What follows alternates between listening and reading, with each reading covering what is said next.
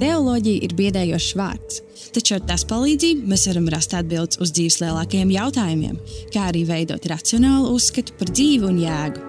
Jēzus teica, jūs zināsiet patiesību, un patiesība jūs darīs brīvus. Tāpēc šī podkāstu mērķis ir vienkāršs - aizsniegt katru, kurš grib rakties dziļāk Bībelē, garīgi augt, izaicināt sevi ar jauniem viedokļiem, un pats galvenais - zināt un izdzīvot patiesību. Iepriekšējā epizodē mēs runājām par ēdeni kā templi, un es nedaudz jau parunāju par to, kā šis sasaistās kopā ar eskatoloģiju. Un tas, eh, jeb mācību par pēdējo, pēdējo laiku, par galējām lietām. Un tad šajā epizodē es diskusijā vēlos ievest arī derības, jo mēs runājam par templi un par svētnīcu, kas ir ļoti cieši saistītas ar dieva derībām. It īpaši ar Ābrahāmu, um, savā ziņā arī ar Dāvidu, tā derība ar Dāvidu, un visvairāk arī ar Mūzu. Visvairāk ar mūzu, tāpēc, ka to mūzu derību mēs saucam par vecās derības kārtību. Un šajā epizodē tieši par to es arī vēlos runāt. Kāda ir atšķirība starp vecās derības kārtību un jaunās derības kārtību? Vecās derības realitāti un jaunās derības realitāti. Un es gribu, liela daļa šeit spēlēs vēstuli ebrejiem, un es gribu sākt ar vēstuli, vēstuli ebrejiem. Vēstule ebrejiem, 8. nodaļa. Pirms tam vēstules ebrejiem autors jau ir paskaidrojis, ka Jēzus ir labāks, augstāks, uh, perfekts, uh, jaunās derības augstais priesteris, un 8. nodaļā uh, viņš raksta šādi: Galvenais visā, kas sacīts, ir tas, ka mums ir tāds augstais priesteris, kas nosēdies pie Dieva visvarenā labās rokas, debesīs. Viņš ir kalpotājs svētnīcā, patiesajā teltī, kuru ir uzslēdzis kungs, nevis kāds cilvēks. Un šie ir ļoti svarīgi vārdi, jo mums būs jāsaprot, par ko viņš šeit runā. Nedaudz pārlecot uz priekšu, runājot, 5. Eh, pantā runājot par vecās derības priesteriem, kuru kalpošana ir tikai atspulgs un ēna debesu kalpošanai kā tas tika atklāts Mozum, kad viņš bija gatavs uzliekt derības telti. Tātad vecās derības kalpošana, tā priesterība bija atspulgs un ēna debesu kalpošanai. Tā paradigma ir debesu kalpošana, kas ir uh, pašā augšā. Un Tātad es uzdošu šo jautājumu, kā vecās derības kārtība atšķīrās no jaunās, no jaunās derības kārtības, kurā mēs dzīvojam tagad. Un tas īstenībā ļoti skaidri parādās uh, jaunajā derībā. Uh, mēs šo paradigmu maiņu e, ieraugam. Tātad vēstules ebrejiem autors jau ir pateicis, vecā darība ir tipi, simboli, e, lietas, kas, kas rādīja uz priekšu, uz debesu kalpošanu. Un, un vieta, kur pats Jēzus skaidro un parāda šo jaunās derības paradigmu, šo jaunās derības realitātes uh, izpausmi. Uh, Jāņa 4 ir ļoti svarīga raksturvieta šajā, šajā tēmā. Eh, tā ir, tā ir tā vieta, kur Jēzus iet uz Galileju, viņš izgājis no Jūdas, viņš iet uz Galileju, un viņam cauri jāiet Samarijai. Un viņš iet eh, cauri, viņš nonāk kādā Samarijas pilsētā, vārdā Zihara, un viņš nosēžās pie, šās, pie šīs akas, un tur ir šī samariešu sieviete, un Jēzus jautā viņai padzirties. Un tad 9. pantā samariešu sieviete atbild, kā tu jūtas būdams, lūdzu, cert man samarietē, jo jūdi ar samariešiem nesagājās. Tad, jā, jūdi ar samariešiem nesagājās, jo jūdi uzskatīja samariešus par tādiem kā pusjūdiem, un tad viņi bija tā, tā, tā atdalīti. Un Jēzus atbildēja viņai, ja tu zinātu dieva dāvanu, un kas ir tas, kas tev saka, dod man dzert, tad tu būtu lūgusi viņu, un viņš tev būtu devis dzīvu ūdeni. Okay, tātad, tad viņš atbild, kaut ko par dzīvo ūdeni. Un tā sievietes atbilde mums savā ziņā liekas smieklīga. Kungs, tev nav smeļamā trauka, un aka ir dziļa, no kurienes tad ir šis dzīvais ūdens? Un, protams, mēs saprotam, ka viņai, viņas um, teiksim, tā, interpretācijā, Jēzus vārdu interpretācijā kaut kas nav pareizs. Viņiem nesakrīt. Ne? Jēzus ļoti skaidri runā par dzīvo ūdeni kā par garu, eh, kas Jāņa evanģēlijā ūdens ir salīdzināms ar garu. Eh, Jāņa, eh, Jāņa 7, 38, 39. Kas man tic, kā rakstos sacīts, no tā plūdīs dzīvā ūdens straumes. To viņš sacīja par garu, ko saņems tie, kas viņam tic. Tad mēs, jaunās derības lasītāji, Jāņa evanģēlijā lasītāji, mēs saprotam, ka Jēzus runā par garu. Viņš var dot šeit šai sievietei dzīvo ūdeni. Un, jā, un mums tā sievietes atbild liekas smieklīgi. Viņa domā, ka Jēzus viņai dos fizisku ūdeni. Jēzus turpina 13. pants. Ikvienam, kurš cer no šī ūdens, atkal slāps. Bet kurš ceras no ūdens, ko es tam došu, tam neslāps ne mūžam. Ūdens, ko es tam došu, kļūs viņā par ūdens avotu, kas vērd mūžīgai dzīvībai. Un atkal mēs saprotam, ka Jēzus runā par garu, bet sieviete atkal atbild uh, smieklīgā veidā. Mums šis liekas smieklīgi, ja mēs lasām, Kungs dod man vienmēr šo ūdeni, lai man vairs nebūtu, lai man vairs neslāptu un lai man vairs nebūtu jānāk šurp, šurp smelt. Un atkal, viņi nevar beigt domāt par H2O, par fizisko ūdeni, kamēr ja es viņiem mēģinu ieskaidrot, hei, es tev nepiedāvāju fizisko ūdeni, es tev piedāvāju garu. Ne? Tad Jēzus pravieto, un viņai rodās bāžas. Viņa uzdod Jēzum jautājumu, uh, savā ziņā tas ir kā jautājums, ko, ko, uz ko viņi gaida atbildi. Kungs, es redzu, ka tu esi pravietis. Mūsu tēvi ir pielūguši Dievu šajā kalnā, bet jūs sakāt, ka tā vieta, kur jāpielūdz, ir Jeruzalemē. Kad sieviete saka šajā kalnā, viņa, saka, viņa domā par Gerizim kalnu, kas bija Samarijā. Un tātad jūdi tic, ka, ka Dievs bija jāpielūdz Tempļa kalnā un samarieši, ka šajā Gerizim kalnā. Un Jēzus, jūtas būdams, mums varbūt tā pirmā, pirmā lieta, ko mēs domājam, ah, varbūt viņš mēģinās aizstāvēt to jūdu pozīciju, ka Dievs ir jāpielūdz tātad tempļa kalnā, bet nē, viņš atbild. Bet nāk stunda, un tā ir jau tagad, ne? augstais priesteris ir ieradies, tā ir jau tagad, kad patiesie dievlūdzēji pielūgs tēvu garā un patiesībā, jo tēvs meklē tādus, kas viņu tā pielūdz. Dievs ir gars, un kas viņu pielūdz, tiem tu būs pielūgt garā un patiesībā. Ļoti svarīgi vārdi. Jēzus atbild uz šīs sievietes bažām. Vai tas būs šajā kalnā, kur būs jāpielūdz Dievs, vai, tas, vai jāpielūdz Dievs ir tajā kalnā? Bet nē, Jēzus viņai atbild, Dievs ir gars, un Dievs tiks pielūgts garā un patiesībā. Un ko viņš domā ar šo izteicienu garā un patiesībā? bieži vien ir dzirdēts, ka garā un patiesībā vienkārši nozīmē no visas sirds. Dievs tagad, no šī brīža, Dievs tiks pielūgts no, vis, pielūgts no visas sirds. Nē, senajos laikos, arī tagad, Dievs vienmēr ir ticis pielūgts no visas sirds. Vai tiešām tā sieviete būtu dzirdējusi šo vēsti? O, oh, Dievs tiks pielūgts no visas sirds, un tagad es iešu pastāstīt savam ciemam, ka, ej, draugi, tagad ja, eh, Dievs tiks pielūgts no visas sirds. Nē, kontekstā mēs saprotam, ka Jēzus nesaka, ka tāpēc, ka Dievs ir gars, viņš tiks pielūgts no visas sirds. Vārdu patiesība mums ir jāskatās nevis kā antonīma vārdam nepatiesība, drīzāk mums ir jāskatās uz vārdu patiesība kā īstenība, kā realitāte. Un šis atbild uz, uz sievietes bažām. Dievs ir gars, tāpēc Dievs tiks pielūgts gara īstenībā. Dievs tiks pielūgts gara realitātē. Dievs ir gars, Tāpēc Dievs tiks pielūgts gara realitātē, gara īstenībā. Jēzus pirms tam ir mēģinājis ieskaidrot sievietei par garu, ka nē, es tev nedošu fizisku ūdeni, es tev došu garu, gara ūdeni, nevis garīgu ar mazo gābu burtu. Nē, gars ar lielo burtu, gara realitātē tiks pielūgts Dievs. Un šī, šis motīvs Jāņa Vāģēlijā parādās vairākās vietās. Jau nodaļā iepriekš Nikotē, saruna ar Nikodēmu. Jēzus 3. nodaļā, 3. pantā saka, ja kas nepiedzimst no jauna, tas nespēja redzēt dieva valstību. Tas nespēja redzēt dieva valstību, ja nav piedzimis no jauna. Un Nikodēms, viņš to interpretē. Viņa interpretācija Jēzus vārdiem ir, ka viņam fiziski ir jāpiedzimst no mātes miesām. Viņš nesaprot to paradigmu maiņu, viņš nesaprot, ka Jēzus runā par garīgu realitāti. Viņš atbild, kā var cilvēks piedzimt vecs būdams, vai tad uh, var otrreiz iet savas mātes miesās un piedzimt?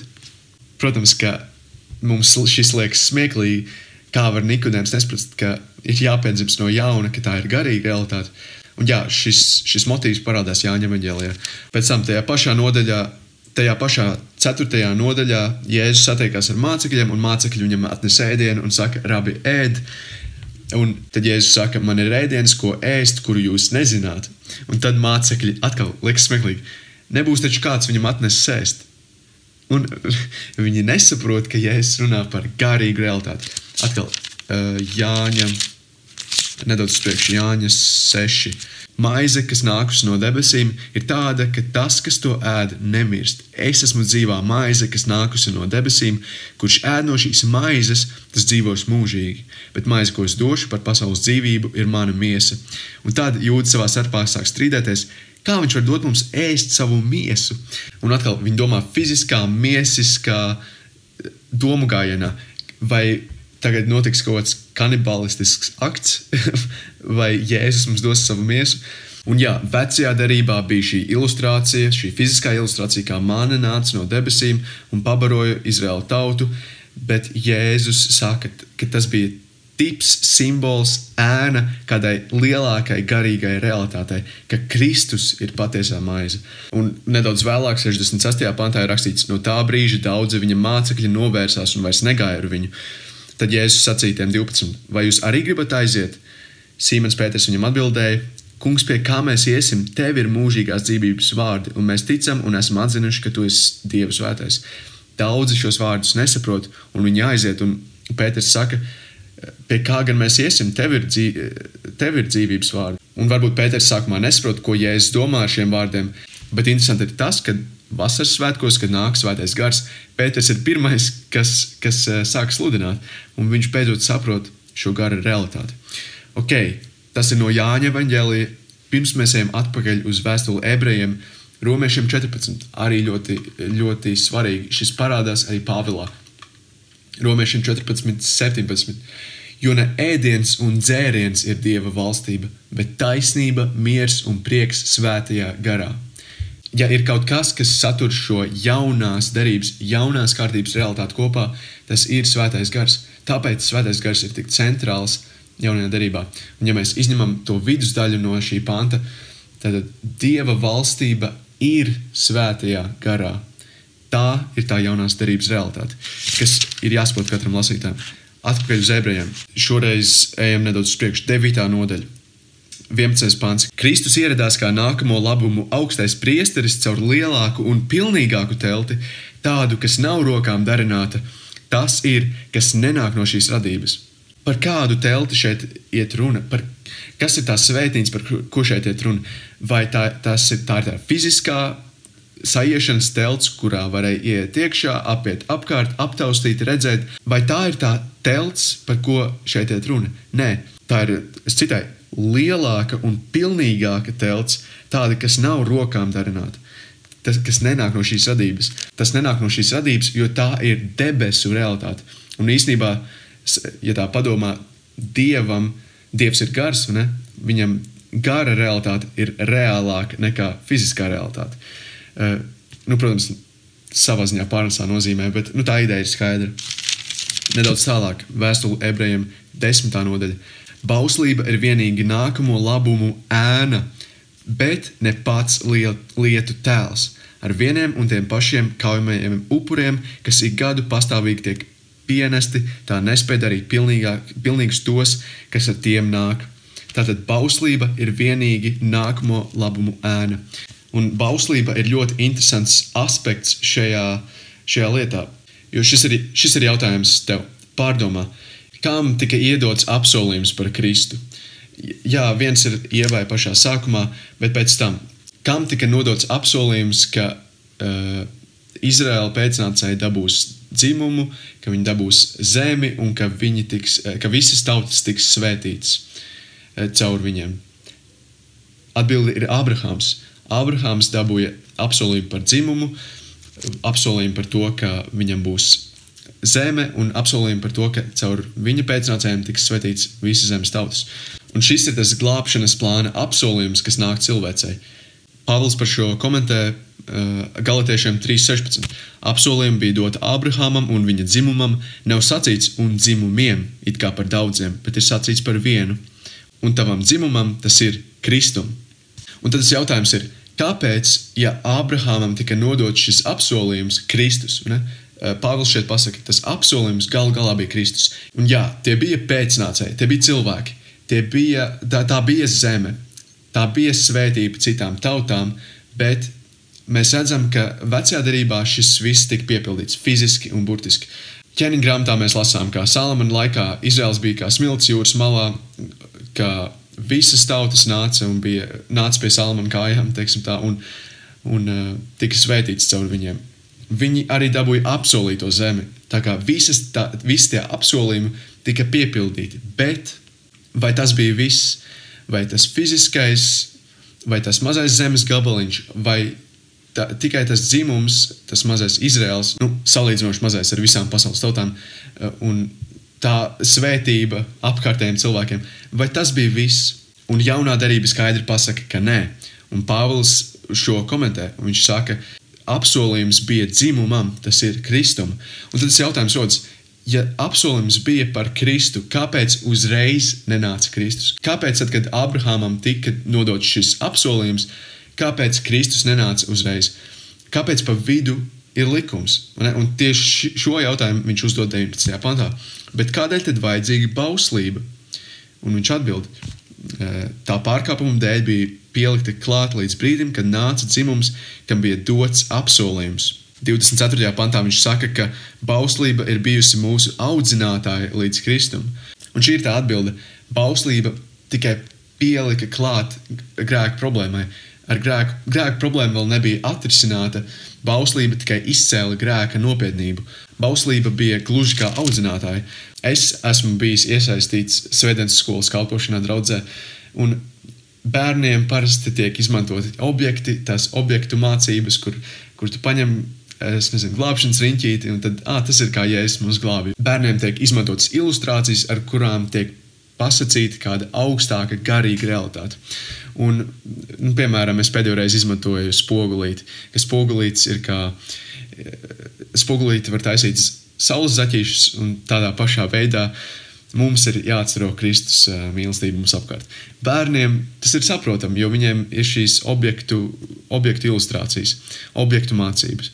Un tā bija derība ar mūzu. Derība ar mūzu bija tikai tipi, simboli, ēnas, taustāmas lietas, fizisks tronis, fiziska pilsēta, uh, fizisks kalns, ne, par ko tā sieviete runāja.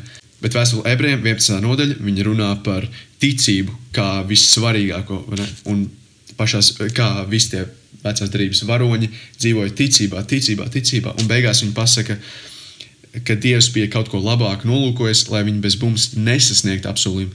Tad apsolījums vēl nebija sasniegts. 11. nodaļa, 9. pants, runājot par Abrahāmu. Ticībā viņš mitinājās apsolītajā zemē, kā svešinieks, dzīvodams teltīs ar tā paša apsolījuma līdzmantekiem Īzeku un Jēkabu. Viņš gaidīja pilsētu, kurai ir drošs pamats, kuras meistars un veidotājs ir Dievs. Un kas ir telts, tā ir struktūra, kura nav domāta mūžīgi. Viņai nav pamata, viņa ir pārvietojama. Abrahāms gaidīja pilsētu. Vēlāk, 13. pants, runājot jau par Izraēlu. Tie visi dzīvoja ticībā līdz pat savai nāvei. Viņi nesaņēma apsolīto, bet tikai iztēlēm to skatīja un sveica. Tie apliecināja, ka viņi virs zemes ir vienīgi svešinieki un viesi. To apgalvodam, viņiem rādīja, ka meklē citu tēviju. Ja vien tie būtu domājuši par to tēviju, no kuras izgājuši, tiem būtu bijis da tik daudz laika, lai varētu turpat atgriezties. Bet tie ilgojās pēc labākas, pēc debesu tēvijas. Dievs pats taču viņiem bija sagatavojis pilsētu. Un tad beigās 11. nodaļā ir šis, un šie visi, kuru ticību Dievs ir apliecinājis, nesaņēma apsolīto, jo Dievs mums kaut ko labāku bija iepriekš nolūkojis, lai viņi bez mums nesasniegtu apsolījumu. Un tas ir interesanti, ka viņiem bija fiziska zeme, apsolījums, viņi bija uh, kā smilts jūrā, viņi cilvēki nāca no visām tautām, uh, pie Salamana kājām, un viņi tika svētīti. Bet šeit vēstules ebrejiem autors saka, viņi nesaņēma apsolījumu.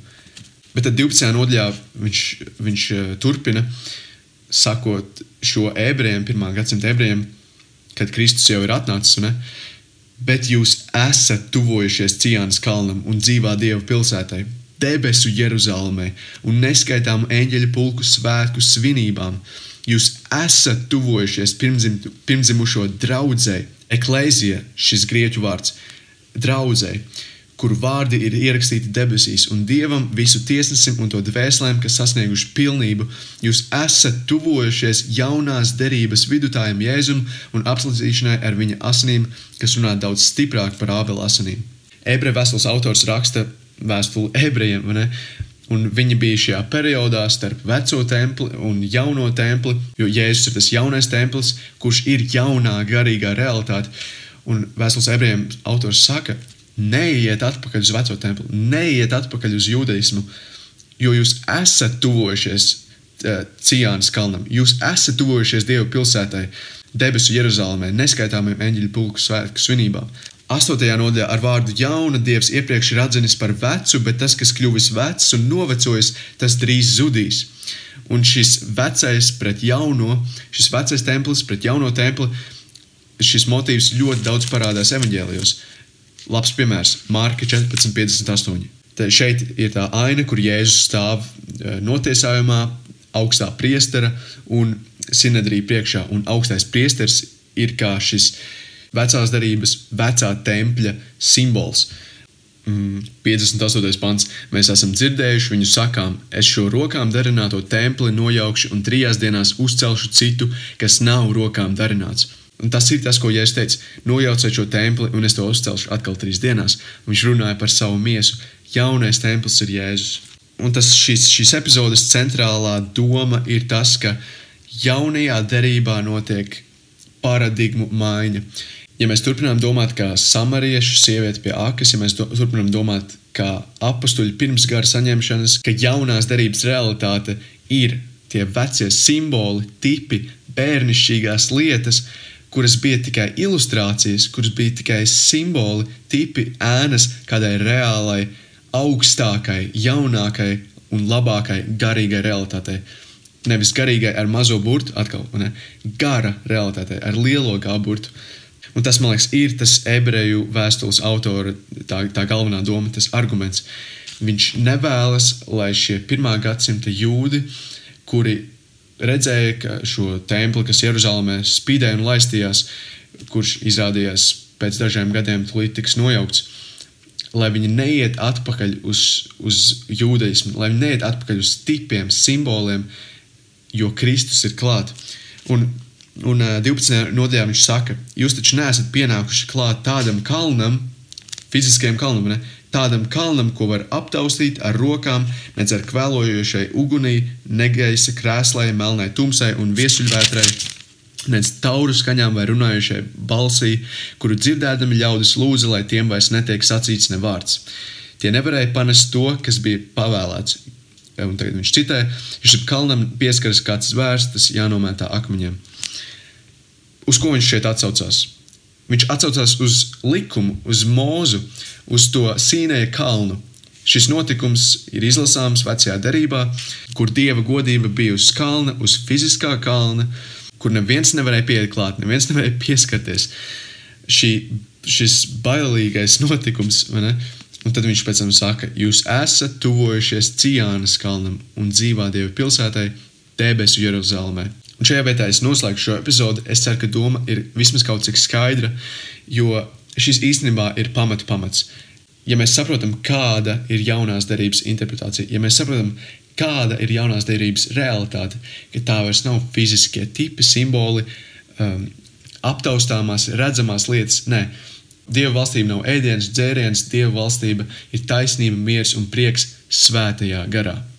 Un nākamajā epizodē es centīšos apskatīt šo no nedaudz citu perspektīvu, kurš šo, man liekas, ieliek tādās daudz vienkāršākā, vienkāršākā formulējumā. Un tā ir derība struktūra, kuru, kura ir pat taisno no vēstules ebrejiem. Un tas ir vienkārši tāds mazs trīsstūrītis, ko var viegli, vieglāk uztvert. Ir vienkārši vieglāk uztvert šo, šo derību struktūru, to, ko vēstules ebrejiem autors mēģina pateikt. Bet galvenais, ko es gribēju pateikt, ir, ka ir atšķirības starp vecās derības hermenētiku, jeb izpausmi, un jaunās derības izpausmi. Viņas ir sekojošas viens otrai, bet viņas nav vienādas. Viņas pēc būtības ir tas pats, ko Abra Abrahams saņēma to pašu, tos pašus apsolījumus.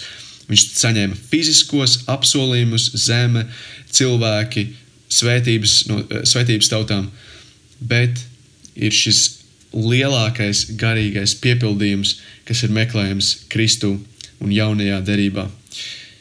Tā kā jā, es ceru, ka saprotama doma. Nākamajā epizodē būs interesanta šī derības struktūra, ko es paskaidrošu. Jā, šis ir tāds pamats šai eskatoloģiskajai debatei, un es ceru, ka es varēšu vismaz iespīdināt nedaudz gaismu un būt noderīgs nākotnē tieši šajā jomā. Jā, paldies, ka klausījāties, un tad jau tiekamies nākamajā reizē.